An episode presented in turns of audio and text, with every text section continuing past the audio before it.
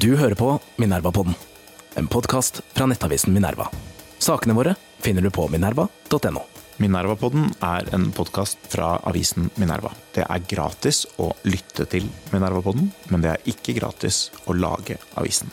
Hvis du vil støtte Minerva, kan du tegne abonnement ved å gå inn på minerva.no abonnement, eller du kan vippse oss penger for å vise at du setter pris på podkasten, til mediehuset Minerva. Velkommen som abonnent. Velkommen til Minerva-podden. Jeg er Alexander Ibsen, nyhetsredaktør i Minerva.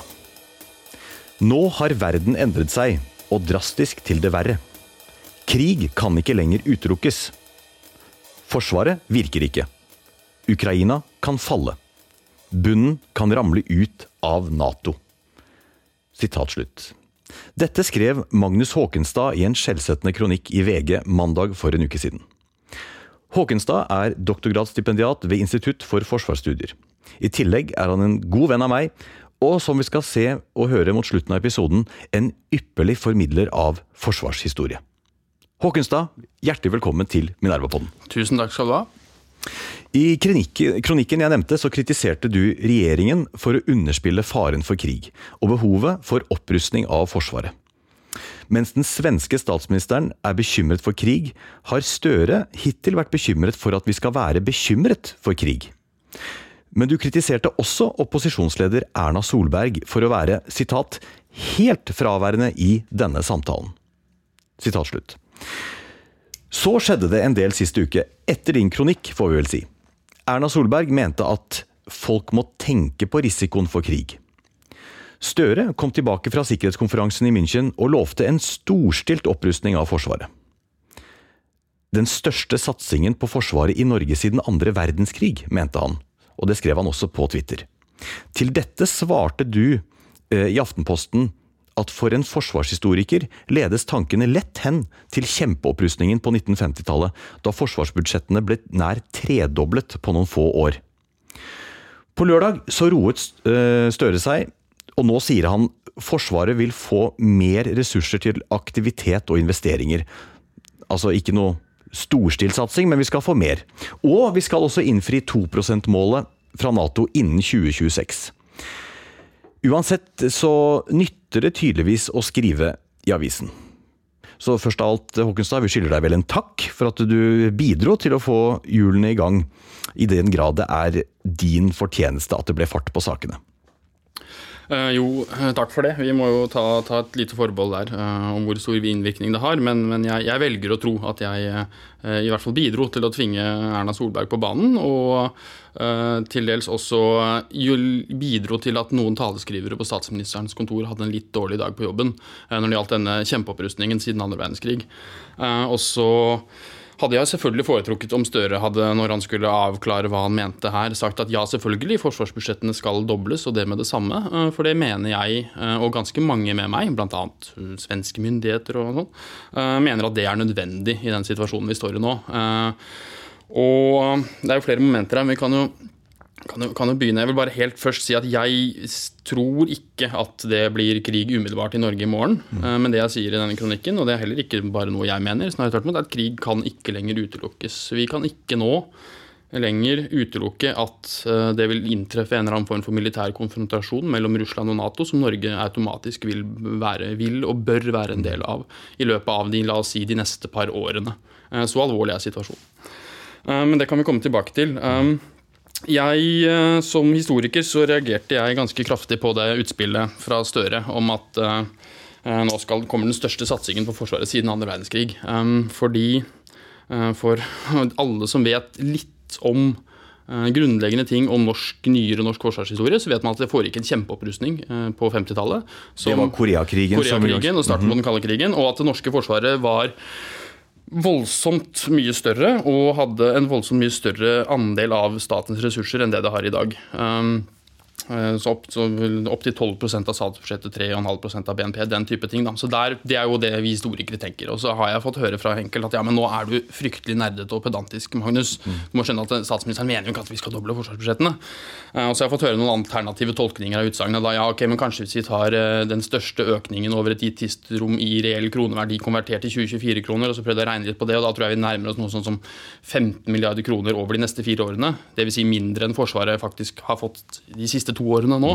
Eh, og da blir det egentlig bare meningsløst. Um, Og så har jeg respekt for at dette er en form for politisk kommunikasjon som ikke retter seg mot eh, supernerder som meg, uh, men som retter seg til befolkningen og til Nato og til partnere og til Russland og i det hele tatt. ikke sant? Store greier. Men det norske myndigheter, særlig forsvarsledelse og særlig kommunikasjonsfolk i forsvarssektoren, glemmer, og særlig og har glemt lenge, det er at dette mottas også av folk som jobber i Forsvaret. Uh, og folk i Forsvaret er, kan jeg med hånden på hjertet og stor sikkerhet fortelle Minervas lyttere, de er veldig veldig lei av å få høre om historiske løft. Og nå kommer den største satsingen siden svartedauden, eller hva det skal være. Dette, sånn har de holdt på lenge, da, ikke sant? Dette er den største reformen siden 1628, skrev Aftenposten om en sånn reform av befals, befalsordningen for noen år siden. ikke sant? Sånn holder de på. Og det er jo selvfølgelig bare bambus for alle, skjønner alle som har litt historisk bevissthet. Uh, og denne, Særlig nå den siste uka, da, nå det skal komme tosifret antall milliarder. ok, Et sted mellom 10 og 99 milliarder. Og kjempesatsing. Uh, det er en sånn veldig lemfeldig omgang med floskler og omtrentligheter av en type som ingen i Forsvaret lenger har tro på, samtidig som de sitter og mangler så godt som alt de trenger for å kunne forsvare landet. Og da uh, er det da sånn at denne typen utsagn, særlig når de kommer fra en statsminister som er kjent for å si at ordet betyr noe, og som har brukt mye tid på å passe på at folk velger riktig ordlag og toneleie de siste ukene, uh, det virker sterkt demoraliserende, og det syns jeg er viktig. Hvis du sier historisk løft, så kommer historikerne til å høre på deg. Og da bør den historien være riktig. Det får jo være en slags eh, en lærdom fra dette. Eh, Du kalte kronikken din 'Myndighetenes besynderlige sinnsro'. Eh, Annet enn å være en veldig vakker og poetisk tittel. Hva legger du i det? Uh, nei, altså det, det er det jeg vil fram til. Um, i kronikken er at, at norske myndigheter eh, de siste to årene, siden den store invasjonen av Ukraina begynte for to år siden akkurat, eh, så har de vist en, en, en imponerende og forbløffende sinnsro når det gjelder hvordan man takler situasjonen. Eh, Og det er på mange måter bra. Og med myndigheter så mener jeg i politisk miljø, inkludert opp opposisjonen, eh, nesten ja, med visst unntak fra Venstre. Dels Frp. Venstre som har, som har funnet sine, sine ha- haukehavn, Ja. men samtidig ser du på alternative budsjetter, så Ja, står det ikke i stil. Nei, ikke sant. Altså, politisk miljø, embetsverk i de viktigste departementene, og forsvarsledelsen også til dels. eh, eh, en eh, voldsomt avmålt, avventende nøkternhet. Og et, en, en antakelse om at vi har veldig god tid. Eh, For det jeg påpeker i kronikken her, er at man får inntrykk av at det har blitt satsa mye og styrka mye på det norske i det norske forsvaret de siste to årene. Mm. Men det er det ikke, da. Mesteparten av den budsjettveksten vi har sett, er jo Ukraina-bistand, og det er veldig bra. Den bør gjerne tidobles, mm. men den bør holdes utenfor forsvarsbudsjettene. Og så er det prisvekst og kompensasjon, da. Er du ikke rørt av argumentet om at å bidra til ukrainsk forsvar er indirekte å bidra til norsk sikkerhet? Absolutt. Men det skal ikke regnes inn på norsk forsvarsbudsjett? og- Nei, da, da blir diskusjonen veldig uryddig, mener jeg. Og eh, det betyr også at en dag da kan regjeringen sånn som de gjør i komme 15 milliarder ekstra til Forsvaret. Ja, Hadde det faktisk vært 15 milliarder i reell styrking, så hadde det begynt å ligne noe. I hvert fall litt, men det var det ikke. Det endte opp med at det var noe sånn 2 milliarder kanskje i reell styrking. Eh, og for å gjøre en lang historie kort, uh, det er ingen grunn til å tro at det norske forsvaret er noe større eller sterkere i dag enn det det var for to år siden. Eh, I kampkraft? i altså kampkraft, ja. altså ammunisjon, tilgjengelighet, beredskap, alt mulig. Snarere tvert imot så tror jeg at man kan godt si at det har blitt svakere fordi det har blitt, eh, man har donert bort veldig mye utstyr, og det er veldig bra. Mm. Eh, men man har ikke fått gjenanskaffet noe særlig, og man sliter på personellet med høy beredskap og det ene med det andre. Litt flere F-35? Eh, hjelper kanskje. Det eneste vi har passe mye av, er F-35. Mm. Um, Og Det har jeg også hørt i, i andre briefinger. Altså sånn, eh, amerikanerne, som vi også kommer tilbake til, har ment at det, er ikke luftforsvaret i Norge som trengs mest oppmerksomhet eh, akkurat nå. De ønsker seg jo egentlig hæren og, og marinen. ja, altså. eh, nettopp. Um, Du er en av eh, landets eh, fremste eksperter på Forsvarets omstilling etter den kalde krigen. Har også gitt ut en veldig tykk og veldig god bok om dette, sammen med Bogen, Ola Bogen, som heter Balansegang. Eh, og det er jo den perioden vi nå kanskje ser slutten på, eller i hvert fall mennesker som deg og andre gode krefter i sektoren uh, ønsker en slutt på, og det er denne etterkaldkrigsperioden. Og det er den du skriver om, egentlig den første halvdelen av, eh, av denne perioden. Gi, og det er jo der denne eh, besynderlige sinnsroen eh, har slått inn, og egentlig det, den situasjonen vi befinner oss i nå. Bare gi oss en veldig kort forklaring på hva er det vi faktisk har holdt på med siden Sovjetunionens fall? Og dernest, har vi underfinansiert Forsvaret i så mange år av en grunn? Har det vært en grunn til dette her? Um, det var mange spørsmål på en gang. La oss ta en, gang en ting først. Det viktigste først er at jo, jeg har skrevet en bok sammen med en god kollega. En veldig god bok som jeg anbefaler til alle lyttere. Den heter 'Balansegang Forsvarets omstilling etter den kalde krigen'. og Det er en, en historisk Jeg er jo historiker. En samtidshistorisk gjennomgang av hva som egentlig skjedde med det norske forsvaret etter den kalde krigen. Og det er det mye å si om, selvfølgelig. Men i veld, veldig kort oppsummert så har man da Eh, for å ta flosklene, da har vi gått fra det som før var et digert, desentralisert dugnadsbasert og defensivt innovasjonsforsvar. Eh, mobiliseringsforsvar. Kjempesvært. Innovasjonsforsvar. Ja, forsvar, et forsvar basert på mobilisering ja. for å forsvare mot invasjon. Eh, det var det vi hadde under kalde krigen, og det var gigantisk. Alle voksne menn kunne Alle skyte med mauser, og ja, og AG3. kunne AG3 etter hvert, og du kunne selvfølgelig kanskje okkupere deler, men du ville få et mareritt med å holde på dette området. Alle skal med til fronten. Ja. Um, og så er det mye å si om det. Er ikke det fint, da? Jo, altså, og det var, det var eh, forholdsvis godt tilpasset uh, situasjonen under den kalde krigen. Særlig i første halvdel da det ble laget. Um, og så var det jo Det var veldig stort. Uh, og så kan man stille store spørsmålstegn ved kvaliteten på mye av det. Særlig mot slutten av den kalde krigen, hvor utstyret virkelig begynte å gå ut på dato. og Det ble en, det det ble en del svakheter. 91 stumper ja, Men, men uh, Norge bygget etter den, kalde, etter den andre verdenskrig et, gjennom den opprustningen vi var inne på, så bygde man et kjempestort eh, forsvar for forsvar av Norge i rammen av en Nato-allianse. Um, og som var, eh, og det forsvaret var, var, eh, delvis ganske moderne og spisset høy kvalitet, særlig i luft- og sjøforsvaret. Og så var særlig hæren og landstyrkene var basert på mobilisering av reservestyrker. Altså folk skulle gjennom førstegangstjeneste ett år, ble, gjennom, ble plassert i en eller annen mobiliseringsavdeling som skulle øve på repetisjonsøvelser, og så hvis alarmen gikk, så skulle de møte opp. Da. Det var den store planen. Um, og det forsvaret var på mange måter tilpasset den tiden det ble dannet i. Men det det også var, var at det slet med veldig store økonomiske problemer, særlig utover den kalde krigen. Da. Det var jo i stor grad basert på, på våpenhjelp. Veldig mye av materiellet fikk man eh, gratis fra amerikanere og allierte på 50- og 60-tallet. Disse tingene begynte å gå ut på dato på 90-tallet. Eh, og det å kjøpe det nytt igjen, da, um, ville vært uh, nær umulig. Selv med oljepenger, selv med kjempehøye budsjetter. Også for å gjøre en veldig lang historiekort. Dette her var en ordning som på mange måter overlevde seg selv, og som kollapset økonomisk under sin egen vekt i løpet av 90-tallet. Uh, samtidig som selvfølgelig rasjonale rasjonalet og formålet jo falt bort. Og samtidig som Forsvaret fikk viktige nye oppgaver. Internasjonale operasjoner, Balkan, Kosovo, etter hvert krig mot terror. Som det gamle modellen ikke egentlig var i stand til å levere til. Så da fikk man denne store omstillingen, eller reformen, som treff setter i gang fra 2000-tallet. Eh, og, og, det som er viktig poeng for oss i den boka, det er at den var ikke, den omstillingen var ikke en, sånn, en, en rasjonell reorientering fra et oppgavesett og en type organisasjon til en annen. Det var en litt sånn hastverkskrise, redningsoperasjon av en organisasjon som eh, faktisk holdt på å gå konkurs. Um, på veldig mange måter, også økonomisk, så man måtte gjøre veldig mye mange reformgrep veldig raskt. Mm. Det innebar også at det gikk en del barn ut med badevannet.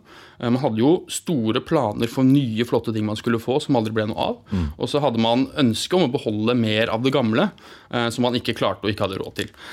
Uh, og så har egentlig, i hvert fall tiden fram fra 2000 til 2010, 2010-2012 var en sammenhengende sånn økonomisk strukturell krisesituasjon for Forsvaret, hvor de bare egentlig måtte prøve å holde budsjettene og balansen ved like.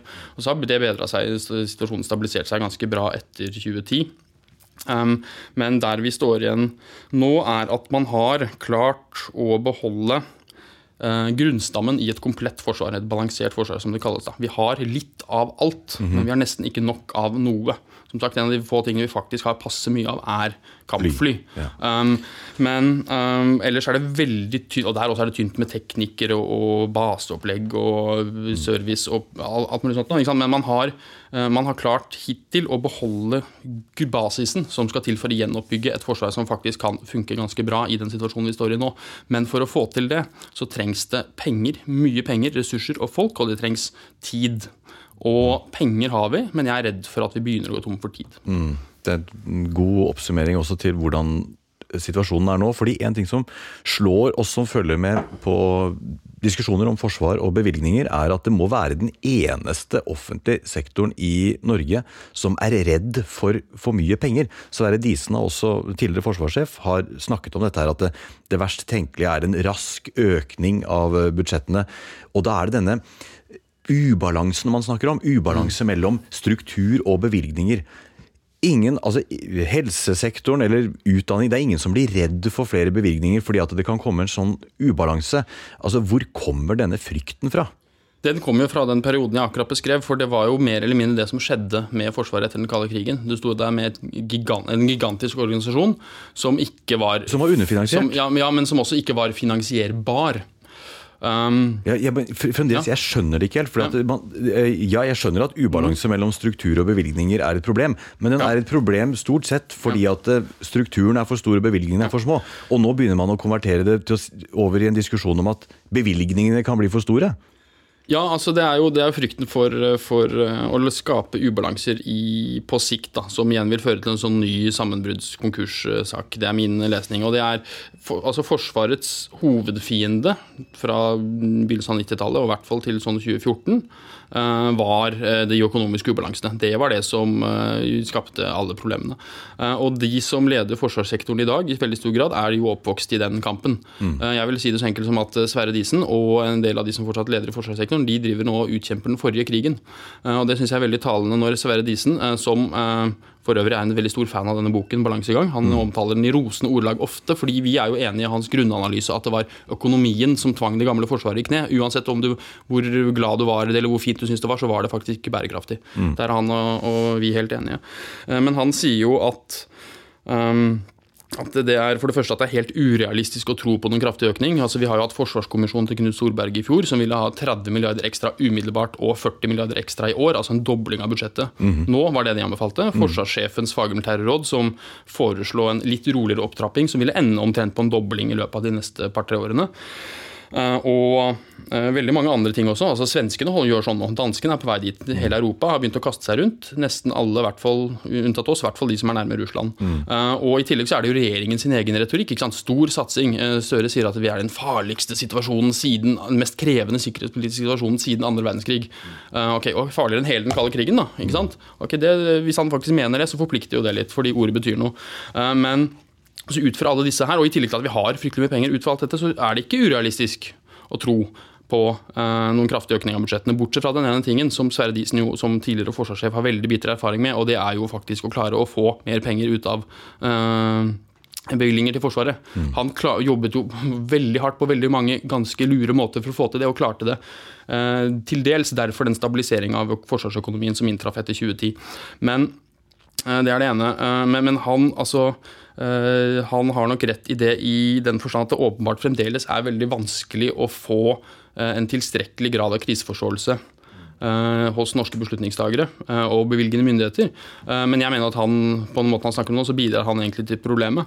Eh, For han er en av de mange rådgiverne som sier nettopp det, at det er farlig å ikke gi dem for mye penger. Og, Så det er det ene. Jeg mener jeg er uenig i at det er urealistisk. Jeg mener det både er realistisk og helt nødvendig å virkelig kraftig trappe opp. andre land klarer det jo. Alle klarer det, unntatt oss. Um, det er det ene. Og det andre så sier Sverre Disen også at det er det verst tenkelige hvis Forsvaret nå plutselig får masse penger, i liksom panikk, og så kjøper masse greier og ansetter folk og oppretter avdelinger, og så normaliserer situasjonen seg om noen år, da, og så trengte vi ikke det, og så sitter vi der da igjen med en altfor stor struktur som eh, vi ikke har budsjetter til. Ikke sant? Um, og det kan jo skje. Uh, da selv, selv, selv om jeg tror ikke egentlig Jeg tror at uh, den situasjonen den normale situasjonen han snakker om, den er det er 90- og tidlig 2000-tall. Den er forbi nå. Nå er vi tilbake i den gamle, kjipe normalsituasjonen. Det er det ene. Eh, og det andre er jo at um, det er jo Ok, budsjettproblemer på 2030-tallet er ikke det verste som kan skje i det norske forsvaret i dag. Mm. Det verst tenkelige for det norske forsvaret i dag er at det i løpet av noen ganske få år kan havne i en skarp beredskaps- eller til og med stridssituasjon mm. mot Russland, mm. som de ikke overhodet er forberedt på.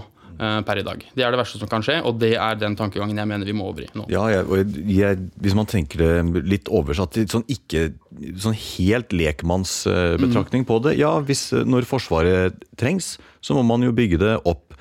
Og man kan ikke vegre seg for det fordi at en eller annen dag så kan freden være så, så, total at man kan bygge det ned, ja, da får man bygge det ned da, da. Det er ikke noe veldig lur framgangsmåte, for det er egentlig det vi har gjort. og Da ender vi opp i en sånn, der, sånn som Jakob Børresen kaller en sånn motfase. da, ja. hvor vi, For man ligger jo alltid noen år etter, og disse tingene tar veldig lang tid.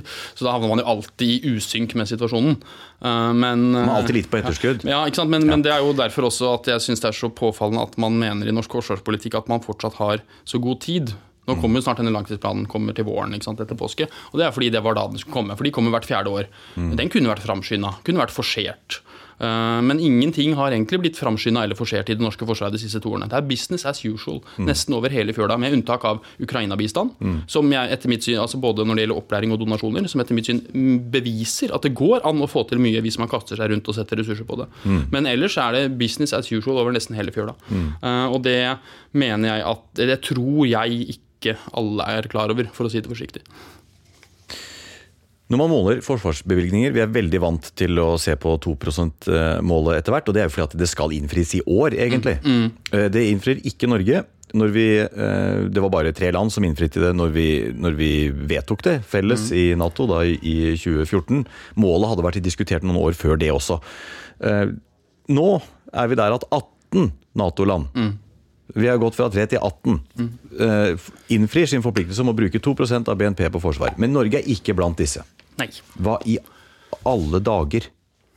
Nei, jeg vet ikke, altså. Jeg kan ikke forstå. Eh, jeg og jeg snakker med mange som har peiling her. Og noen mener det er i visse kretser litt sånn man anser 2 %-målet for litt sånn usofistikert og grovkomaska. Og, ja, men det gjør sånn, de da i Estland og Litauen ja, nå? Men det er jo nå en gang det vi har forplikta oss til. Men, mm. men, de fleste jeg snakker med, vi forstår det ikke. Eh, og eh, det er flere ting som er viktig å være klar over med 2 %-målet. Det ene er at det er et vilkårlig mål, selvfølgelig, men det er det vi har blitt enige om. Det andre er at det ble satt til 2% fordi det er litt sånn best practice vedlikeholdsnivået. Ja. For å uh, klare å videreføre det forsvaret du har. Mm. Uh, hvis du er på 2% så får du ikke noe mer eller styrking, eller noe sånt, men det er liksom der du må være for at det ikke skal bare forvitre stadig vekk. Da. Mm. Uh, og Sånn som det til dels har gjort her. Uh, men nå er det faktisk blitt ordentlig ordentlig krise at man ikke når 2 %-målet. Uh, når en mulig fremtidig amerikansk president sier rett ut at han vil la russerne herje som de vil med allierte som ikke mm. betaler eller bevilger 2% av BNB til Forsvaret som de har lovet, det, det, bør ikke snakkes bort som valgkampretorikk eller, eller utspill. Altså, dette, er, dette, er, dette, er, skikkelig alvorlig. og her velger da Norge fortsatt å Vi skal innfri det i 2026, som er et tidspunkt som den norske regjeringen, både den nåværende og den forrige, tror jeg, har, har bare funnet på helt selv. Eh, jeg mener at vi kunne gjort det neste uke, eller senest i revidert nasjonalbudsjett. Eh, for det finnes mer enn nok å bruke pengene på. Mm. Allerede nå. I ja, strukturen som den er. Ja, ja. ja. Bare mm. kjøpe. Altså, det er så mye som trenger kjøpes. Mm. Luftvern, ammunisjon, ullsokker, mm. bygningsmasse, you name it. ikke sant? Mm. Men det kan også gjøres på måter som ikke er. Uh, inflasjonsdrivende. Mm. Uh, men, uh, men, det jeg mener det måten norske myndigheter, inkludert opposisjonen på Stortinget, så vidt jeg har vært i stand til å bringe på det renne, særlig Høyre, måten de håndterer dette på, det tyder jo på at bak denne nøkternte, avventende, sindige, rolige, la oss ikke handle overilt tilnærmingen, mm. bak den så ligger det jo en helt avsindig risikovilje. Eh, for å spare hva da? Promille av oljefondet. Så setter vi oss i den situasjonen og havner på den svarte lista eh, over Nato-allierte som, som gratispassasjerer. Og liksom vårt hovedbidrag til alliansen på mange måter er eh, behovet for hjelp. Mm. For disse forsterkningene som skal komme og redde oss. Mm. Og at vi fortsetter å gjøre det når det her finnes det faktisk en quick fix på akkurat det problemet. Jeg, har, jeg forstår det ikke. Og det er av Nato-land. eh, De som eh, innfrir, er jo ikke i nærhet Hvis du holder USA utenom, hold gjerne Storbritannia utenom òg. Mange Og så har vi land som deler grense med Russland, med langt dårligere råd enn Norge. Deler grense med Russland, akkurat som vi gjør. Eh, Og så har du andre Det er vel Hellas, min kjære Hellas, har alltid innfridd, men det er andre grunner. vet at de skal forsvare seg mot et annet Nato-land. Et annet Nato-land. Så da må man fylle Nato-målet. Um, vi snakket, Du nevner USA og retorikken som Trump eh, nå fronter. Større bekymring for om eh, USA under hans ledelse da, vil, vil undergrave grunnmuren eh, og fundamentet i Nato, som er det kollektive forsvaret. Samtidig så har jo USA virkelig hatt en periode nå med å styrke sin tilstedeværelse i, i Europa. Hvis du tar med Nato-hjelp. De har jo vært en, et lokomotiv i den eh, militære støtten til eh, Ukraina. Har vært. Har vært. Mm. Kan jo hende en ny pakke kommer på plass. Hvem, hvem vet? Det ser fryktelig kaotisk ut nå. Men også ved, i Norge. Altså, vi signerte eh, ny eh, SDCA, som det heter. Altså denne eh, samarbeidsavtalen om Forsvaret. Som styrker det amerikanske tilstedeværelse i Norge. Jeg synes, Veldig fascinerende, og det er en litt sånn sidekommentar, men en slik eh, avtale kom på plass samtidig i Norge og Hellas, altså bilateral avtale med USA, i, i Hellas og i Norge. I, i uh, Norge så var den viktigste kommunikasjonsdelen, virket det som, var å kommunisere at dette gjør ikke at det er baser i Norge. Det er ikke amerikanske baser i, i, til stede i Norge. I Hellas så var det stikk motsatt. Akkurat samme avtale, mer eller mindre. Og da Hurra, var det at eh, baser. Hurra, baser, for nå, da tør ingen å angripe Hellas, for da er det amerikanske liv eh, i fare samtidig. Men denne amerikanske tilstedeværelsen, er ikke det en viss sikker, ligger det ikke en viss sikkerhet i det også? At de har så sterke investerte interesser på europeisk jord? Uh, jo, altså, jo, jo, det, det hjelper jo åpenbart. Og, og det er sjansen for at hjelpen kommer, er jo mye mm, større hvis den er eh, planlagt og tilrettelagt, eh, både praktisk og, og når det gjelder planverk og sånn. Uh, Men, men eh, problemet med Trump er jo, er jo at han han, eh, han bryr seg ikke om disse tingene. Han tenker på dette som en form for transaksjon eller utpressingsmulighet. Det er noe så. Og, og det virker på meg som norske myndigheter, eh, i den grad de er bekymret for tilbakekomsten av Trump. Selvfølgelig er de det, eh, men du kommer litt ut at Utenriksdepartementet forbereder seg på en ny Trump-periode. Der virker det som de forbereder seg på Trump 2016, da, da det fortsatt var voksne mennesker til stede i Det hvite hus, og før han bl.a. prøvde å begå statskupp og egentlig komme ut av skapet som etter mitt syn mer eller mindre fascist og Putin-venn. ikke sant? Mm. Så det- dette er veldig mye farligere. Og så er det jo sånn at eh, jo, amerikanere har mange bindinger og forpliktelser, og de har jo kongress, Senatet har jo vedtatt en lov som sier at ingen president kan melde USA ut av Nato. Men det skal ikke mer til enn eh, at president Trump sender en twittermelding eh, hvor han sier at eh, jeg blåser i artikkel 5, eh, jeg vil ikke forsterke noe Nato-land. Da er Nato kaputt i sin nåværende form. Og da står særlig land som Norge veldig sårbart til. Um, Det vil jo være nærmest en invitasjon til, til angrep eh, på oss. Eh, Så Trump kan, e- hvis han blir valgt til president, kan han egenhendig ødelegge Nato. Mm. Og, altså, og han klarer jo allerede, mer eller mindre egenhendig, å sabotere den livsviktige støtten til Ukraina. På tross av hvor viktig det er for alle som de fleste amerikanere, også republikanere, skjønner. Mm. Så der, her er sabotasjen veldig godt i gang, og det bør bekymre norske myndigheter i mye større grad enn det i hvert fall de gir inntrykk av utad. Så vil han et sånt halmstrå eh, av håp, kanskje, hvis han kommer tilbake, er det at han kan eh, hans ego kan bli pleid av eh, å kunne si at ja, nå innfrir 18 land, og snart 19 da med Norge. Nei. Det, du, du, du tenker ikke det er noe altså, håp nei, i altså, det? det kan jo selvfølgelig være, men hvorfor ta den sjansen, da? Det er ikke sikkert det hjelper med 2%, 2 heller. Eh, Jeg tror han kommer til å trekke eller ødelegge og sabotere Nato uansett. Mm. Eh, Men da, det er jo bare enda større argument for at vi faktisk må sterk, stå sterkere på egne ben eh, og søke nye allianser, alle vi kan. Mm. Det er viktig at folk forstår hvor katastrofe dette er for selve fundamentet i norsk sikkerhetspolitikk. Mm. Dette her er en kjempealarm. Mm. Og jeg skjønner at her skal norske politikere være veldig forsiktige i tilfelle han blir alt vi må gjøre vårt beste for å ha gode relasjoner og sånt nå. Og jeg hadde tatt dette mye mer med ro hvis jeg var samtidig var sikker på at norske myndigheter gjorde alt de kunne for å ruste opp det norske forsvaret og søke sikkerhetspolitisk samarbeid med EU, eller hva det skal være. Mm. Men for, enn så lenge skjer det fint lite, og det syns jeg er fryktelig merkelig. Kan, eh, alle som er glad i Forsvaret, har sin eh, kjepphest. eh, Og hvis jeg kunne bare pense kjapt innom en av mine, og det er eh, verneplikten. Mm. Jeg er en varm tilhenger av verneplikten. Har vært det eh, så lenge jeg, helt siden jeg var i Forsvaret selv.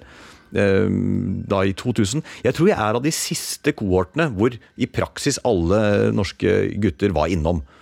Eh, og, og var innom med Jeg kaller det meningsfullt, men altså vi, vi knatret i vei med Vi skjøt masse, eh, så mye i, i telt. Trente. Jeg syns også vi ble ganske gode, skal jeg være helt, helt ærlig. Jeg, jeg, så, jeg husker ennå den eh, altså hvor lurvete man var i, under rekruttskolen, og hvor tross alt ja, robust man følte seg mot slutten eh, av tjenestetiden. Den eh, institusjonen har jo vært eh, Det er jo et fundament i norsk eh, forsvar mm. med verneplikten. Og vi har den ennå. Den, det er en, du har en plikt til å tjene landet ditt, og vi tar fortsatt inn eh, rekrutter. Men i et langt mindre antall. Langt mindre antall. Og jeg ser også, det blir jo helt svogerforskning, men eh, gutter, eh, i dette tilfellet gutter da, i min eh, utstrakte familie som har blitt dimittert på helt sånne ting som Det var ikke tema engang i 2000. Altså litt dårlige knær. Det var det ingen som sjekket knærne våre. Men nå gjør man dette her.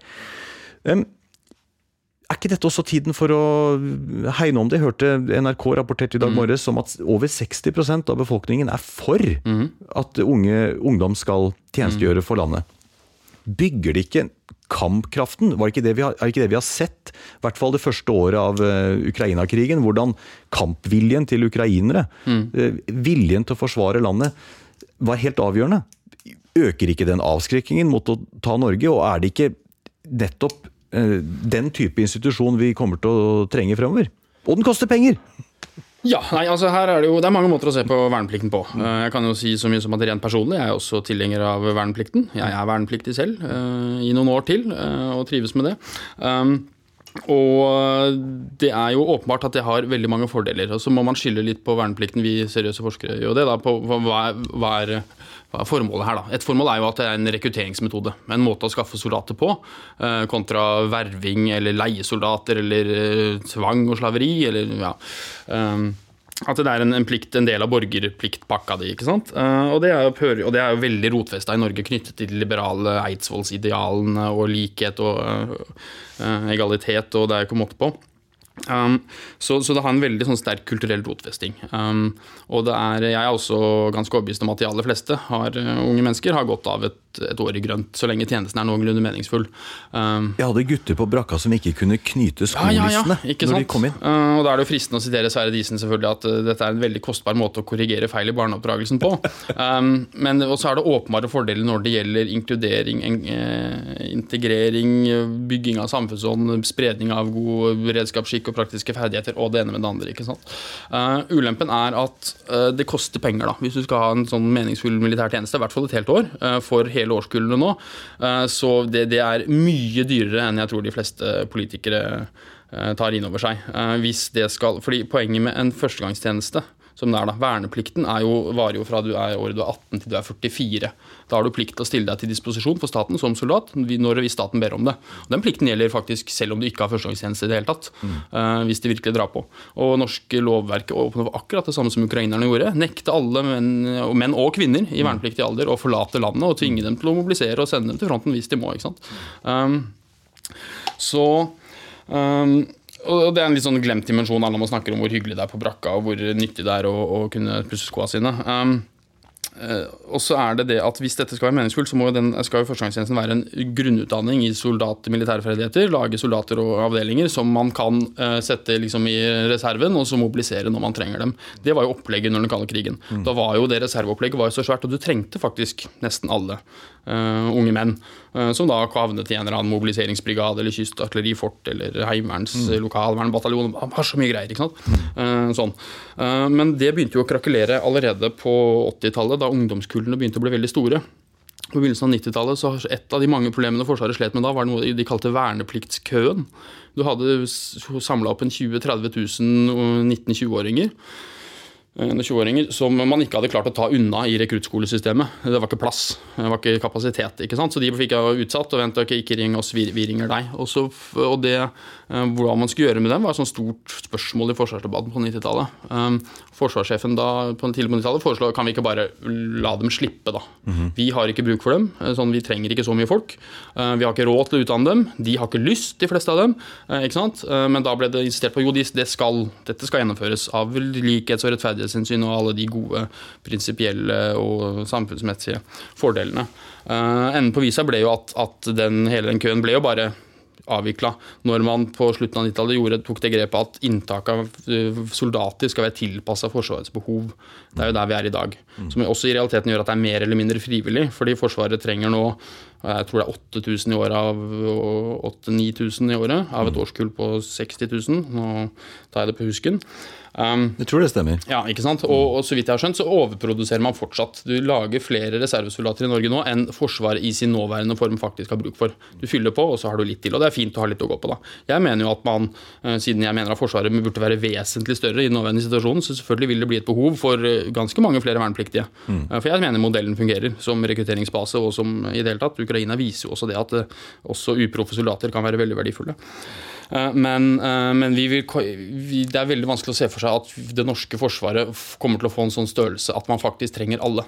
Mm. Og så er det også sånn at Ikke alle mennesker er, den, er laga for å være soldater heller. Eh, men vi har jo noe som heter totalforsvar. Vi har et helt samfunn. Vi har veldig mange hjul som skal holdes i gang hvis Norge faktisk må forsvare seg. Og der kan folk gjøre nytte. Men man må frigjøre seg fra at førstegangstjeneste og verneplikt er det samme. Og så må man frigjøre seg fra at førstegangstjeneste må være et år, mm. tror jeg, som et minimum. Og så må man være villig til å finansiere det. Og så må man høre på generaler og andre fagfolk som sier at ja, det er veldig hyggelig stortingsrepresentant, at du har lyst til å gi meg 60 000 flere soldater i året, men det er ikke det jeg trenger mest av akkurat nå. Mm. Eh, de, det vi mangler Vi har jo, har jo per nå ikke utstyr og eh, skuddsikre vester og ullsokker og uniformer til alle de soldatene vi har engang. Mm. I førstegangstjenesten, greit nok, men i Heimevernet der er det ganske tynt. Eh, og det er liksom der man må begynne, da. Eh, jeg, jeg ser poenget, men kan jo også si at man fødes ikke til soldat, man blir det. Jo, jo. La oss nå, når vi nærmer oss litt del to her, gå litt tilbake til der vi startet. Støre viser til en forsvarssatsing vi ikke har sett maken til siden andre verdenskrig. Mm. Og dette er jo vår siste virkelige krig og dermed et naturlig referansepunkt. Men det er også lenge siden dette skjedde, og en, del har jo endret seg, akkurat som du har forklart ganske godt og omstendelig nå. Eh, når vi sier at, være, at, vi må være på vakt, eh, så ser vi jo ikke lenger for oss at det kommer eh, tyske slagkryssere innover Oslofjorden. Så hva er det vi har å lære, om vi skal se tilbake på tiden med krigsseilere, gutta på skauen og blendegardiner? Hvilken del av andre verdenskrig mener du fortjener et gjensyn, nå som vi igjen har fått interessen opp for Forsvaret? Artig at du skulle spørre om det, Alexander. Eh, for dette har jeg tenkt mye på. Eh, men det er en ting som er veldig viktig å si med en gang. Og det er at eh, det finnes veldig få sikre måter å utdefinere seg selv som seriøs forsvarsdebattant i Norge i dag, enn å trekke fram 9. april. Uh, hvis du begynner å snakke, rope 'aldri mer 9. april', eller snakke for mye om Blücher og, og Midtskogen og Gutta på skauen eller Narvik, eller hva det er, uh, så har du parkert deg selv. Da er du utdefinert, da er du en dinosaur. Dette er en del av arven fra den omstillingsperioden, hvor jo motstanderne av hele denne reformen uh, var jo nettopp de som sto på de 9, aldri mer 9. april-barrikadene. og der foregikk det et generasjonsskifte, og den generasjonen ble veldig grundig utdefinert som fullstendig uh, akterutseilt. Irrelevant i dag. Irrelevant, ikke sant. Uh, og det så vi også nå. Guri Melby var jo uh, i denne diskusjonen med Støre om uh, krigsfare og den slags farlige prat. Så hadde hun sagt noe om at hva skal du gjøre hvis du ser fiendtlige krigsskip utenfor kysten. ikke sant? Og da ble jo det latterliggjort, mer eller mindre. Og så husker vi også hun legen Gunhild Alvik Nyborg som var på debatten i starten av pandemien i mars 2020. Så ikke om krig, men om Nei, men Da brukte hun Blücher som metafor. Ja. Hun mente at nå kommer pesten, og norske myndigheter gjør ingenting. Og hun var ganske redd, åpenbart. Eh, og brukte da Blücher. altså Blücher har seilt forbi Oscarsborg, og hvorfor gjør vi ikke noe? ikke sant? Mm. Og det var jo ganske mange da som mente at det var å ta uh, litt mye Møllerstrand. Det skurrer litt. Ja, ikke sant. Og, og så, så, den um, det, det der med å trekke sånn 9. april eller paralleller og analogier, det er eh, forbundet med stor eh, risiko i norsk forsvarsdebatt. Jeg eh, prøver å unngå det. Eh, men jeg syns vi skal Vi kommer ikke unna det. Så nå skal vi prøve å snakke litt om det. Mm. Eh, og så var det om vi hadde litt sånn Hvordan skal vi gripe det an? Um, og jeg foreslår da, ok, Kan vi ikke bare ta en helt ubeslekta lokalhistorisk kuriosa-del eh, om eh, felttoget på Østlandet, og så benekte enhver kobling til den situasjonen vi er i nå? Eh, men det blir litt for dumt. Du kan ikke benekte det helt? Kan ikke det. Mm. Uh, men uh, som seriøs faghistoriker så, så, vil jeg jo påpeke at altså, man skal jo være forsiktig med historiske paralleller og analogier. Denne situasjonen er akkurat som den situasjonen. Han gjør akkurat det som mm. han. Derfor må det også nødvendigvis skje slik, og da er katastrofen der. ikke sant? Mm. Uh, det er det er aldri automatikk eller lovmessigheter eller mønstre i historien. Eh, selv om man kan finne likhetstrekk og, og ting som rimer. Og felttoget på Østlandet ja. Du mener det er viktig, men det er også ganske underkommunisert. Ja. Så derfor, Siden du ba meg finne en sånn favorittsak fra historien, så er det rett og slett felttoget på Østlandet eh, tre uker eh, fra 9.4.1940, eh, mm. eh, som jeg mener er interessant, og som jeg har lyst til å snakke om. Og så skal vi ikke hamre inn likheter og ulikheter her, men egentlig bare ta en liten fortelling, og så kan lytterne få trekke sine egne slutninger. Veldig bra. Det ser lurt ut? Ja, veldig lurt. Mm -hmm. Ja. Um, Utgangspunktet for dette er jo en kronikk jeg skrev i Morgenbladet i fjor. Kommer mm -hmm. 8. mai i fjor, eh, og den handlet om norske krigsfilmer. Filmene? Eh, filmene, Filmer om krigen. Max mm. Manus og Ni liv og alt det der. ikke sant? For det er en sånn veldig sterk oppfatning om at visse temaer har vært altfor godt skildret på norsk film. Eh, Gutta på skauen, heltemodig motstand og andre temaer har vært helt fortiet. I denne kronikken går jeg gjennom hvorfor det ikke stemmer i det hele tatt. Mm -hmm. Det er laget masse filmer om såkalte fortiede temaer, og så er det noen temaer det er laget overraskende få filmer om, og et av de temaene er faktisk felttoget og de militære aspektene ved invasjonen av Norge. Den viktigste historiske hendelsen, og kanskje også en av de mest dramatiske og filmatiske hendelsene, den tyske invasjonen, motstanden og nederlaget. Uh, april til juni uh, eh, 1940. Det er forbausende har liten plass i populærkulturen. Mm. Det er laget fire-fem filmer om invasjonen, uh, og tre av dem handler om liksom, felttoget på Østlandet. Uh, og det er, eh, for de som måtte lure, er det en film som heter 'Sekondløytnanten' fra 1993. Veldig, Veldig god. god. Anbefales til alle. Mm. Og så er det 'Kongens nei' fra 2016, som jeg også liker. Jeg er mye mer liberal enn mange av mine historikerkollegaer når det gjelder sånn historiske friheter i film. Du har Midtskogen-slaget. Ja, der har du den. Mm. Og så har du uh, Gulltransporten som kom på Viasat i fjor. Eh, som også jeg mener er ganske undervurdert. Mm. Eh, anbefaler til alle. Fikk mye dårligere kritikk enn denne fortjener. Eh, men ellers er det ikke altså, det at det foregikk et digert militært felttog i Norge, altså akkurat på Østlandet også, da, mm. Eh, det, er, eh, det er, overraskende liten plass. Folk har hørt om Blücher, Oscarsborg, Midtskogen, Kongens nei, et par andre ting kanskje, men der stopper det som regel for de aller fleste. Og så er det en sånn ekstra kjepphest fra min side, er jo at alle snakker om at slaget ved Narvik har blitt glemt, eller det ene eller andre er blitt glemt. Og Narvik eh, fortjener absolutt også flere eh, og bedre filmer enn det de har fått. Men det var nå faktisk slik at det foregikk ting her i vårt nabolag som fortjener mer oppmerksomhet enn det de har fått, mener jeg. Så derfor. Det var en lang intro. Um, dette felttoget, da. Nå skal jeg bare ta, ta en liten reklame. Eh, for jeg baserer meg i stor grad her på to bøker. Eh, den ene er en bok som heter 'Tre desperate uker'. Det norsk-britiske felttoget i Sør-Norge 1940 av en historiker som heter Eirik Thomassen. Meget god bok. Anbefales. Mm. Uh, og så baserer jeg meg på Tom, professor Tom Christiansen sin biografi om Otto Ruge, pluss litt andre greier. Mm. Disse anbefaler jeg til alle som er nysgjerrig på det her. Um, ja, skal vi sette i gang? Sett i gang. Ja, ok. Vi går inn i fortellingen tidlig om morgenen 9.4.1940. Um, og da har Angrepet er i gang. Norske myndigheter har skjønt at nå er Norge under angrep fra Tyskland. Blücher har blitt senket. Eh, det er fly i lufta, flyalarmen har gått i hovedstaden, og den norske regjeringen er samlet på, i Utenriksdepartementet på Victoria terrasse. Eh, og Der har beslutningen om motstand egentlig allerede blitt fattet. Uh, utenriksminister Koht har avvist, avvist, det tyske kravet om kapitulasjon og sagt at kampen er allerede i gang, med henvisning til uh, kanontordenen man kan høre fra Oscarsborg. Uh, og den norske regjeringen har fattet beslutning om mobilisering. Tror de. Og, da, og, og ulempen er at den beslutningen blir ikke skikkelig formidlet til de væpnede styrker. Der begynner på en måte den store tragikomiske Eller der den har ikke begynt, den, Det er en tragikomisk aspekt her som egentlig begynner litt før. Og um, for mange særlig mange av Minervas lyttere, så vil det muligens være overraskende å høre at det ikke stemmer som det ofte sies at det var Arbeiderpartiet som rustet ned Forsvaret før andre verdenskrig. Eh, den kraftige nedrustningen som fant sted, eh, nedbygging av Forsvaret, som fant sted i mellomkrigstiden, skjedde først og fremst under høyre- og venstreregjeringer på 20- og tidlig 30-tallet. Veldig skiftende regjeringer på den tiden. Ja, mm. men alle var egentlig enige om det. Selvfølgelig Arbeiderpartiet var jo ikke imot det. Men da Arbeiderpartiet tok over regjeringsmakten, da Nygaardsvold-regjeringen kom til makten, i 1936 så tok det ikke lang tid før forsvarsbudsjettene begynte å øke ganske bra. Og I 38-39 så begynte man virkelig å kaste penger på Forsvaret, for da skjønte man hvor det bar. Og da, det tragiske der at da var det jo i stor grad allerede for sent. Man, det fantes ikke våpen å få kjøpt. Man bestilte krigsskip i England og jagerfly i Italia. Krigsskipene var nesten ferdige, men ble jo konfiskert av britene da krigen brøt ut.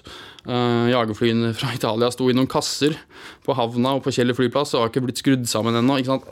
Veldig mye sånn da, Og Forsvaret hadde jo et halvt ordinært forsvarsbudsjett i banken Eh, da tyskerne kom, som man ikke hadde rukket å bruke opp fordi man var for sent ute. ikke sant? Eh, men man hadde jo skjønt faren, da.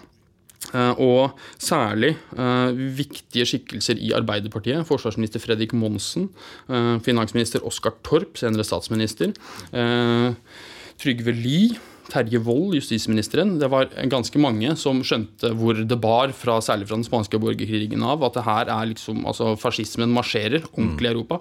Eh, de la fra seg Arbeiderpartiets tradisjonelle antimilitarisme og gikk inn for at, å ruste opp. Da. Og så var det skeptikere i systemet selvfølgelig, særlig statsminister Nygaardsvold, som først og fremst var en innenrikspolitiker. Og så var det utenriksminister Halvdan Koht som er en veldig fascinerende skikkelse oppi det her. For han var en stor internasjonalist. Han var historiker, som alltid er, alltid er bra. Mm -hmm. selvfølgelig. Professor i historie, stor internasjonalist. En virkelig intellektuell størrelse. Veldig um, smart. Men han, det var i prinsippet han som håndterte nesten hele Norges utenriks- og sikkerhetspolitikk på den tiden. Begrepet sikkerhetspolitikk fantes ikke da, da som er kombinasjonen av utenriks- og forsvarspolitikk. Uh, og man hadde i veldig liten grad noen etterretningstjeneste eller analyseapparat, så veldig mye avhang av, var avhengig av noen enkeltpersoner når det gjaldt trusselforståelse og agering. Um, og så var det selvfølgelig, i tillegg uh, på Victoria terrasse der, så var det også forsvarsministeren, uh, som var høyremann.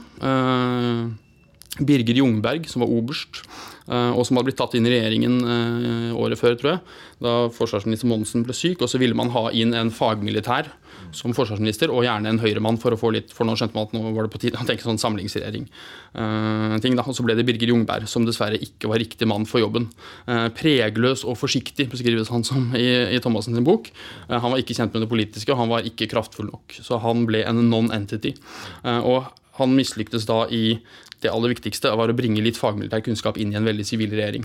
Som også, altså Arbeiderpartiet og Forsvaret hadde og offiserskorpset hadde et veldig anstrengt forhold til hverandre eh, på 30-tallet. Eh, av gode politiske grunner. Gjensidig skepsis eh, som man ikke hadde klart å bygge ned. Så kommunikasjonen var veldig dårlig. Da. Så det som skjedde på Victoria terrasse tidlig på morgenen i april, rundt beslutningen om å mobilisere, fordi det norske forsvaret på den tiden var 100% basert på mobilisering. Det var et stor, ganske stort forsvar. Enkelt utstyr. Og mann inne, men ja, ja, ikke sant? Men, men, når man trykker på knappen, så skulle man kunne sette på beina norsk hær på oppunder 200 000. Mm. Uh, eller eh, norsk forsvar på oppunder 200 000 soldater. Um, og det, ikke, det, var ikke småtterier. Og um, en av de virkelig forferdelige tingene og Det å lese om dette her er sånn Hvis du er litt orientert om hvordan kunne det gått annerledes, så er det så frustrerende å lese. Fordi du har han som var eh, generalstabssjef, oberst Rasmus Hatledal. Han gikk stadig mer desperat fra kontor til kontor i uken før 9.4 og ba på sine knær om å få lov til å mobilisere i det minste feltbrigadene på Østlandet. I det minste sette opp kystartilleribesetning, sette i gang. Men han ble ikke forstått. Hvor fikk han nei, da? Eh, han fikk nei fra forsvarsministeren, fra eh, kommanderende general Christian Låke, som det het da, eh, og fra utenriksministeren og fra de fleste. De forsto ikke uh, alvoret i situasjonen, og de forsto ikke hvorfor han maste så mye. Så, så neiet var fordi dette var en overflødig innsats? Det var fordi, uh, det er vanskelig å si. og det, vi, det er liksom ikke alt, alt, alt på den rene, men, men, han ville jo gjøre det som et preventivt føre-var-tiltak. Men særlig Koht virker det som var redd for at dette skulle virke provoserende eller eskalerende. Da. Det vi vet er at Den tyske beslutningen om å gå til angrep var jo fattet lenge før og hadde ikke blitt påvirket av noen norsk mobilisering uh, i, det, i, det, hele tatt. Og kommanderende general. På den tiden hadde man ikke forsvarssjef, man hadde en kommanderende general og en kommanderende admiral som satt i hver sin by og ikke snakket noe særlig med hverandre. Eh, For hæren og marinen var kjempeopplegg. ikke sant? Um, så uh, Låke var helt, han var gammel, han, var, han, ble, han nådde jo pensjonsalder uh, i april 1940. eh, og Hans jobb hadde jo stort sett vært å være fagmilitært ansvarlig for mesteparten av den nedrustningen som hadde foregått. Han var en gammel, sliten mann og ikke på høyde med situasjonen. Uansett, um, hvis jeg fikk penger og tilgang til flinke filmfolk og kunne lage den krigsfilmen jeg ville, så hadde jeg laget en sånn svart Death of Stalin-aktig tragikomedie om Rasmus Hatledal og mobiliseringen som forsvant. Hvor han løper rundt som the only sane man i et sånt galehus av folk som ikke skjønner greia. En, en Cassandra som, Ja. som kommer og, er, og, har sett fremtiden, men blir ikke trodd. Ikke sant. Så det uansett. Men når angrepet endelig kommer, så skjønner jo eh, regjeringen at ok, her må noe gjøres. Og de tror Her er det veldig mye diskusjon og veldig mye fram og tilbake. Men en bevis er at det- det virker som regjeringen tror at nå har de besluttet om å eh, iverksette en full og åpen mobilisering av hele rikets krigsmakt. Men den beskjeden som blir formidlet til Forsvaret, er en delvis og stille mobilisering. Og det har å gjøre med mange timer detaljene i systemet. Det er ikke bare å trykke på knapp, og så skal 150 000 mann kaste alt de har igjen og løpe til nærmeste depot. ikke sant? Um, dette er en planmessig prosess som er lagt opp til å ta noen uker og dager. Det er jo derfor Hatledal så, uh, ble så stressa også. ikke sant? For de som kjente systemet, visste jo at dette tar tid. Skal det gjøres ordentlig. Men man setter nå i gang. ikke sant? Men man klarer ikke å formidle beskjeden. Beskjeden som kommer ut, er et tilfeldig intervju med utenriksminister Koht på jernbanestasjonen i Oslo rett før de tar toget til Hamar, hvor han sier uh, og gir en kjapp orientering til NTBs korrespondent om situasjonen, og så sier han at og forresten så er det iverksatt full mobilisering. Det er den orden som kommer ut.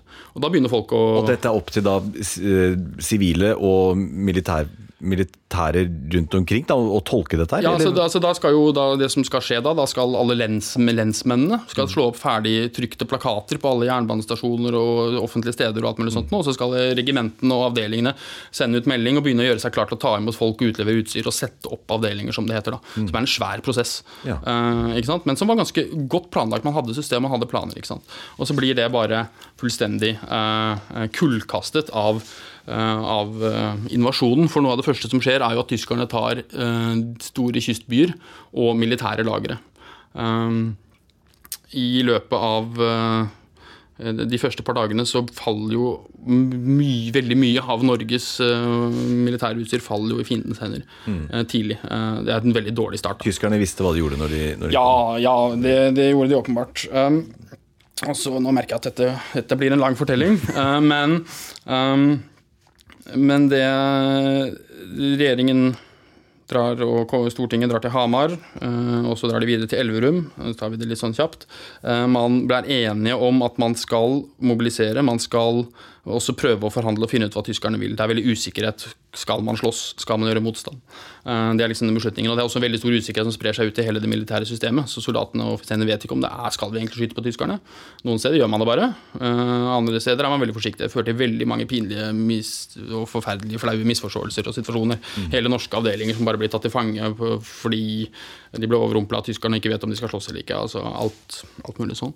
Uh, men det som jo vipper egentlig over i motstand, det er jo Quisling sitt kupp på radioen.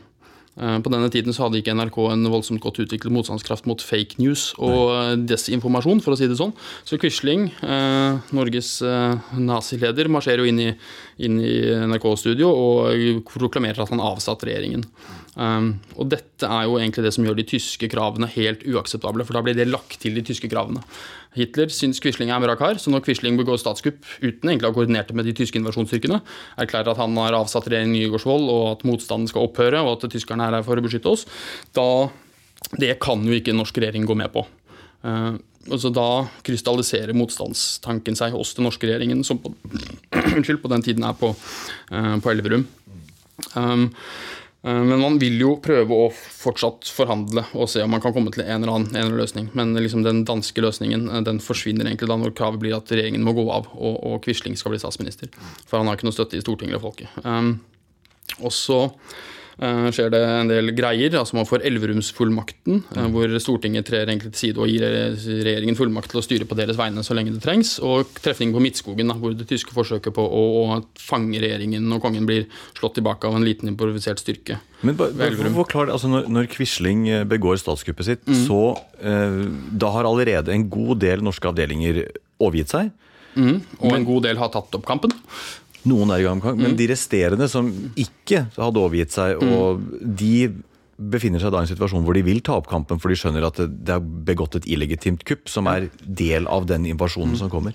Dette Quislings kupp skaper veldig stor forvirring i den norske mobiliseringa og ødelegger på flere felter sjansene for en vellykket motstand. Eh, For det første fordi mobiliseringsordren fra regjeringen er såpass uklar. Eh, Den regjering- som har gått ut, eh, faktisk, er jo en delvis mobilisering av de viktigste avdelingene, med første frammøtedag 11. april, to dager etterpå. Som er liksom etter boka, hvis man skal gjøre det planmessig. Ja. Også, og innkalling per post. Um, så uh, dette med at, å slå plakater på jernbanestasjonen og sånt, nå var jo da egentlig ikke meningen, men det skjer jo.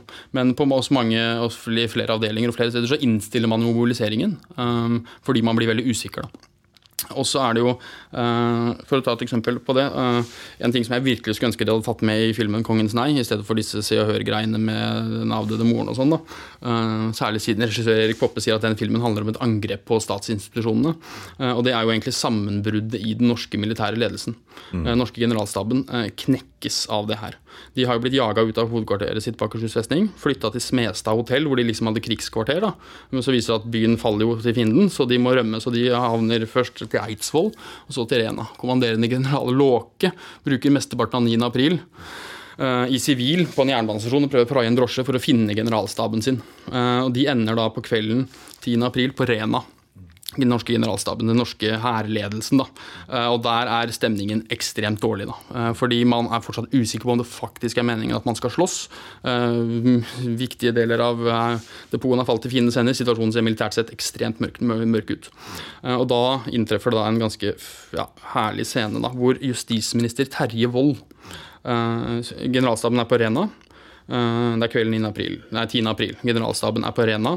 Eh, Regjeringen er på Elverum. Terje Wold, justisministeren, terrieren fra Alta, har blitt sendt for å finne ut hva, hvordan ståa er i generalstaben, og hvordan det går med mobiliseringen og, og hvordan de militære, den militære situasjonen er. Han kommer dit, og han blir jo sjokkert da, over det han mener er uh, unnfallenhet og inaktivitet og passivitet. Da. Uh, og Nå skal ikke jeg prøve meg på sånn finnmarksdialekt, men den utviklinga så vidt vi vet, foregikk omtrent sånn som det her, hvor justisministeren kommer inn og konfronterer kommanderende general Låke. da helt nedbrutt og utslitt stakkars general. ikke sant? Altså, men hva i helvete er det som foregår? Her har landet vært i krig i to dager, og her skjer det ingenting. Hvor er dagsbefaling til troppene? Hvor er, hvordan går det med mobiliseringen? Hvorfor sitter dere her med kuken i hånda? Ikke sant? Er hans budskap. Og da blir jo offiserene ganske sinte. ikke sant? Ja, men de har jo, altså, da, da blir det en sånn kjempekrangel med de offiserene. Ja, men dere jævla politikere har jo rusta ned Forsvaret, og vi har ikke fått noen beskjed, og vi står her uten våpen, og alt er tapt, og dere skjønner ikke hvor gærlig dette er. ikke sant? Eh, og eh, han Hatledal, da, generalstabssjefen som desperat prøvde å få lov til å mobilisere, eh, han er jo der, men han er jo blitt sjuk, ikke sant? Han, han, har- fått influensa eller noe, så han er helt blek, har 40 i feber og klarer knapt å sitte oppreist. Eh, og kommanderende general holder på å få et sam- sammenbrudd, og så blir det munnhuggeri mellom noen oberster og justisministeren. Og så er det til og med et par offiserer som liksom Unnskyld, vi lurte på en ting. Er det Quisling eller Nygaardsvold som er statsminister nå? Ikke sant? Er, sånn var det. Sånn går det når du har dårlig samforstand mellom militær og sivil ledelse og sviktende kommunikasjon i forkant. Ikke sant? Og Da får jo eh, Terje Wold eh, Han er jo Han får jo nok, Altså han ringer jo tilbake til regjeringa og sier at generalstaben har brutt sammen. Eh, Låke virker ikke, vi må ha en ny general, og vi må ha det nå.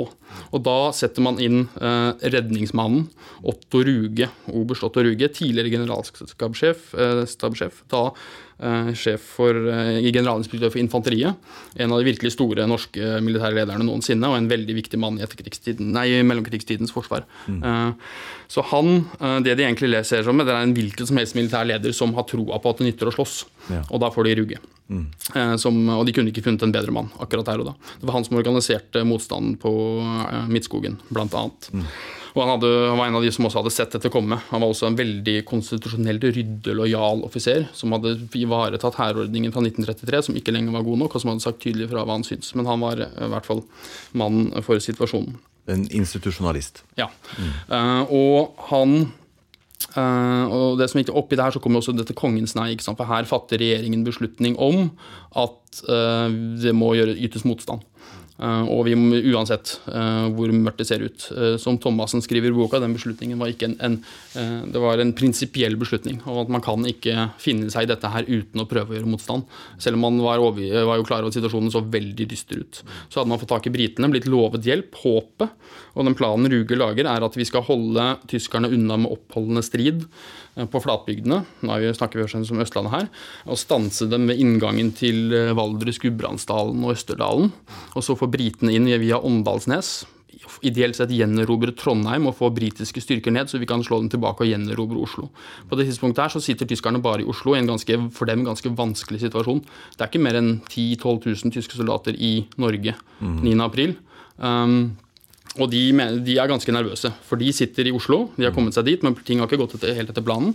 Eh, fest, eh, festning, kystfestningen er fortsatt på norske hender. Det er store norske styrker i Østfold og Telemark og i Hedmark og Oppland. Eh, så tyskerne begynner å bli redd for at de kan havne i en situasjon hvor de blir stengt inne i Oslo og kasta ut igjen. Um, men tyskerne gjør jo da sånn som de gjorde. De, når de er i tvil, så går de til angrep. Uh, og etter noen dager så begynner de å bryte seg ut av Oslo. Da. Og da har man heller ennå ikke lykkes å formidle det er sånn 11.12. april, har ikke lykkes å formidle beskjeden om at det skal ytes motstand til de ganske store norske styrkene som er ordentlig mobilisert i Østfold og Telemark. Så i Østfold så går de, etter noen trefninger der, så gir de opp og går inn til Sverige og lar seg internere, som det heter. Uh, mens uh, regimentet i Telemark de overgir seg til første og beste tyske patrulje som kommer kjørende. Det skal også sies at sjefen for det regimentet var jo founding member av NS. Eh, nasjonal Samling. Uh, men, Hadde ikke den største ideologiske ja. motstanden mot det? som kom. Nei, ikke sant? og i tillegg mente han situasjonen var håpløs. ikke sant? Og så skal det sies det var masse NS-offiserer som gjorde en formidabel innsats, og som falt i kamp. Mm. og som gjorde som de skulle, uansett hva de måtte synes om regjeringen. men, men det var veldig mye svik, og det var masse rykter om forræderi og svik. og og, og, alt mulig. Men uansett, det blir da en improvisert motstand basert på denne planen som jeg skisserte, om å holde unna, få hjelp og prøve å skyve dem ut igjen. Gjenerobre noen kystbyer. Og hindre dem i å bryte ut av Oslo. Og, og Ruge begynner å sende rundt offiserer han stoler på, få dem ned til Hønefoss og til hit og dit hvor det er norske styrker. Og dette er planen, dette er beskjeden. Nå skal vi slåss. Her, er planen. Um, problemet er selvfølgelig at det er faktisk for sent å mobilisere når angrepet er i gang, i veldig mange tilfeller. Uh, dette lar seg ikke improvisere. Og jeg nevnte jo for deg før opptak her, at jeg vil gjerne snakke om bataljon Torkildsen. Mm. Uh, fordi alle, nesten alle som er litt interessert her, har hørt om Alta-bataljonen. En bataljon, fin bataljon som gjorde en flott innsats, og som i ettertid har blitt merket på de som ble glemt og fortiet. Og så spurte jeg deg, vet du om navnet på noen annen norsk infanteribataljon fra felttoget 1940? Nei, jeg kunne bare på den glemte Alta-bataljonen. Ja, ja, ikke sant. Den husket jeg. Ja. Um, og det var jo ganske mange. Og for å ta da bataljon Torkildsen, et veldig fint eksempel. Fordi den, den bataljon Torkildsen var en improvisert bataljon som ble mobilisert på Gardermoen, svær militærleir der, 9.-10. Eh, april. Eh, det var ikke en av de regulære planmessige bataljonene. Man tok det møtte jo opp folk, så man tok eh, soldater og, og, og, frivillige og satte dem inn i en bataljon som ble improvisert, og sjefen for det var Eistein Torkelsen.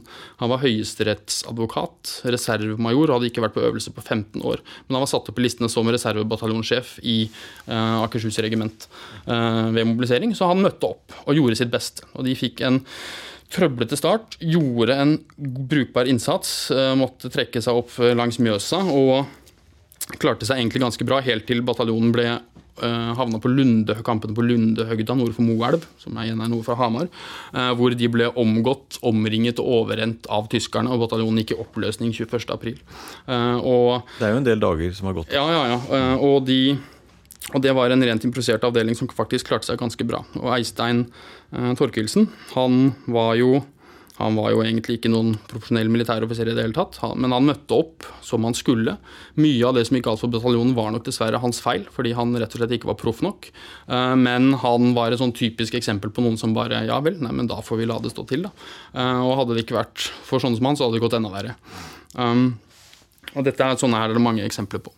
Um, det er for seriøse historikere, da. Så man skal ikke drive med kontrafaktiske spekulasjoner, hevdes ofte i faget. For mye av hva som hadde skjedd hvis romerne hadde hatt atomvåpen, eller hvis uh, de gamle grekerne hadde funnet opp dampmaskinen, eller ikke sant, what if, det ene med det andre, blir fort useriøst. Det var altså veldig gøy, da. Eh, men det er umulig å lese om 9. april eh, og felttoget uten å henge seg opp i alle disse Ja, men hvis bare, og om bare, og herregud, det kunne jo gått bra. Eller det kunne gått mye verre òg, da, selvfølgelig. Det kunne jo gått enda dårligere enn det faktisk gjorde. Kunne bare kapitulert med en gang, eller uh, hva det er. Men, men, men, og det er, men akkurat den derre hvis den norske hæren hadde mobilisert på Østlandet og andre steder fire-fem dager før 9. april, da, så hadde det vært eh, 15 000-20 000 norske soldater under våpen bare i Oslo og Akershus. Mm. Og så kom det noen tusen tyskere første dagen. Uh, og da mener jeg at det går an å hevde at med en litt tidligere beslutning, litt tydeligere kommunikasjon, altså tidligere beslutning om å mobilisere og en tydelig beskjed om at det skal ytes motstand og angrepet skal slås tilbake, så hadde det vært en brukbar sjanse for suksess. Også en brukbar sjanse for et mye verre blodbad enn det som også ble, uh, men det er den type frustrerende what ifs uh, som man lett henger seg opp i her. Men den er ikke for den, den, Dette er ikke trenger ikke for mye fantasi for å se for seg. Den er ikke farfetched i det hele tatt. Nei. Og noen ganger når historikere blir for sånn ja, men det skjedde ikke, så da kan vi ikke si noe om det kunne skjedd eller ikke, da begynner de å ligne på den der motstand er nytteløs, historiens framovermarsj er uavvergelig. Uh, syns den er til og med lavere nivå enn sånn hva om atombomben var utviklet før, eller enigmakoden ja, ja. var knukket og sånn. Altså, dette her er, det var jo aktive forsøk på å mobilisere. Ja, ja. Og dette, så dette her, altså hele felttoget på Østlandet, da, eh, og felttoget andre steder òg, i Nord-Norge ikke minst, det var jo en veldig close run thing. da. Det er ikke mye som skulle vippe andre veien før dette hadde faktisk lykkes. Mm. Uh, det er en del, da, men det, det, var en helt brukbar sjanse til å få til, og det gjør det bare enda mer frustrerende å lese om det, uh, egentlig.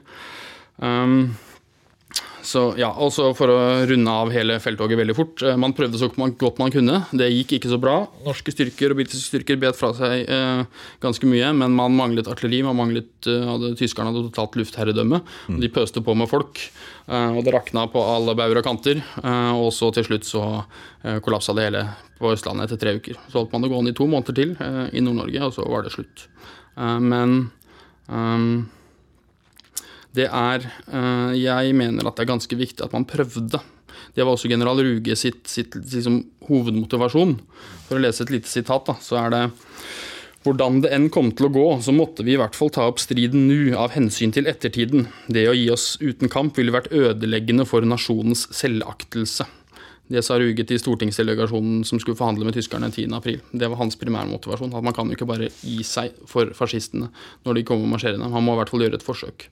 Og Der hadde jeg noe full støtte fra kronprinsen og utenriksministeren og stortingspresident Hambro og, og, alle. Det er to andre ting også som Ruge To sitater fra han som jeg eh, mener er verdt å, å, tenke litt på. Det ene er som han sa til de allierte, de franske og britiske attachéene en gang i april. Da han hadde møte med dem, sa han An army cannot be improvised. Du klarer ikke improvisere en hær mm. når bombene faller. Han prøvde jo. De prøvde så godt de kunne. Eh, og det gikk et stykke på vei, men det gikk ikke helt. Eh, dette er jo en av hovedgrunnene til at man lagde dette kjempeopplegget etter annen verdenskrig i Norge. ikke sant? For å unngå det her en gang til. Eh, og det siste sitatet er at han sa at altså han ble spurt etter krigen om ja, men alle disse offiserene som svikta, da, som bare ga opp, eller som var eh, nazister, eller som svek landet, eh, eller som bare ikke nådde opp, inkludert må si, Ruge ble bare De sparka jo bare han stakkars kommanderende general. Så satte de inn Ruge som forsvarssjef fordi han var nærmest og best. Mm. Det var da man fant opp forsvarssjefjobben, faktisk. Han var sjef for både hæren og marinen. Um, han ble spurt om ja, men hva med alle disse her som, som falt fra. ikke sant? Og så da sa han at ja, nei, det er, det er jo dessverre Man vet ikke helt liksom hva man kommer til å gjøre i nødens stund, men han var ganske sikker på at det var mange som nok hadde gjort en brukbar, fullt brukbar jobb, bare de hadde fått grei beskjed. Ja. Folk må få grei beskjed, ikke sant. Um, så en motstandskamp kjempet av hensyn til ettertiden, og det er jo nettopp det ja. da historikerfaget er. ja, men, også, men, men også, av hensyn til, av hensyn til uh, Eh, til Norges stilling i verden og blant de allierte. Eh, og status eh, og mulighet til å komme ut av en fredsløsning. For Ruge var helt overbevist om at de allierte kom til å vinne pga. produksjon og industri og alle de tingene som faktisk gjorde at de vant til slutt. Han var en veldig forutseende mann. Um, og så um, skal vi jo være glad for at ikke alle uh, tenkte den ok, vel best å gi seg, kanskje det, det går greit. At noen faktisk tok den innsatsen. Men um, Skal vi runde her? Jeg ser Jeg du er utålmodig. du har gjort en altså, du, Ja. du nevnte hvor farlig det er å trekke de 9. april-parallellene. Du, har- du har gjort det på eksemplarisk eh, vis her, men folk kan trekke sine egne slutninger. Det var i hvert fall et komplisert bilde som har både fake news, det har et mm. eh, sviktende politisk lederskap og et, eh, en kaotisk eh, mobilisering. Kan jeg få si en runde av med en liten uh, sak? Absolutt. Ja. Eh, For det som skjedde her med den norske regjeringen, eh, her var at de havnet i en situasjon hvor det eneste relevante politiske spørsmål var hva slags operative militære styrker har du tilgjengelig. Um, For det går an å havne i sånne situasjoner. Uh, og da lønner det seg å ha tenkt gjennom det litt grann på forhånd. Ja, og så I ettertid da, så har det jo vært veldig mye krangling om hvem som må ta skylda for denne fiaskoen. Eh, Helt opp til nå har det vært krangling om det. Eh, De borgerlige og, og offiserene de skyldte gjerne på Arbeiderpartiregjeringa. Eh, En god del skyldte på britene. Venstresida har jo pleid å skylde på offiserene. Og alle, alle har jo litt rett her, og alle har jo en del av ansvaret. Men det som vi nordmenn ofte gjør i slike sammenhenger, da, det er at vi, vi, vi vender blikket innover, og så skylder vi på oss selv og på hverandre. Eh, Og Som regel i denne diskusjonen så har man en tendens til å glemme den, de som åpenbart har skylda for at det gikk som det gikk. Eh, Og det er jo, det er tyskerne. Eh, Hitler, fienden, ikke sant. Og det at man faktisk kan ha fiender, noen som vil deg vondt helt uavhengig av at du vil dem, det er noe som i liten grad finnes på nordmenns mentale kart. Og der tror jeg at det kan hende at det ligger en liten læredom. Bestillingen til eh, Norges filmskapere er herved gitt, og det var svart komedie, var det ikke det? Du, du ønsket deg? Helt til slutt, eh, og her er vi på tre kjappe, eh, du har kommentert krigsfilmer før, og vi kan jo da løfte blikket og se på de mer internasjonale, og nå er vi ikke låst av noe historisk tid, så bare tommel opp eller tommel ned på tre krigsfilmer.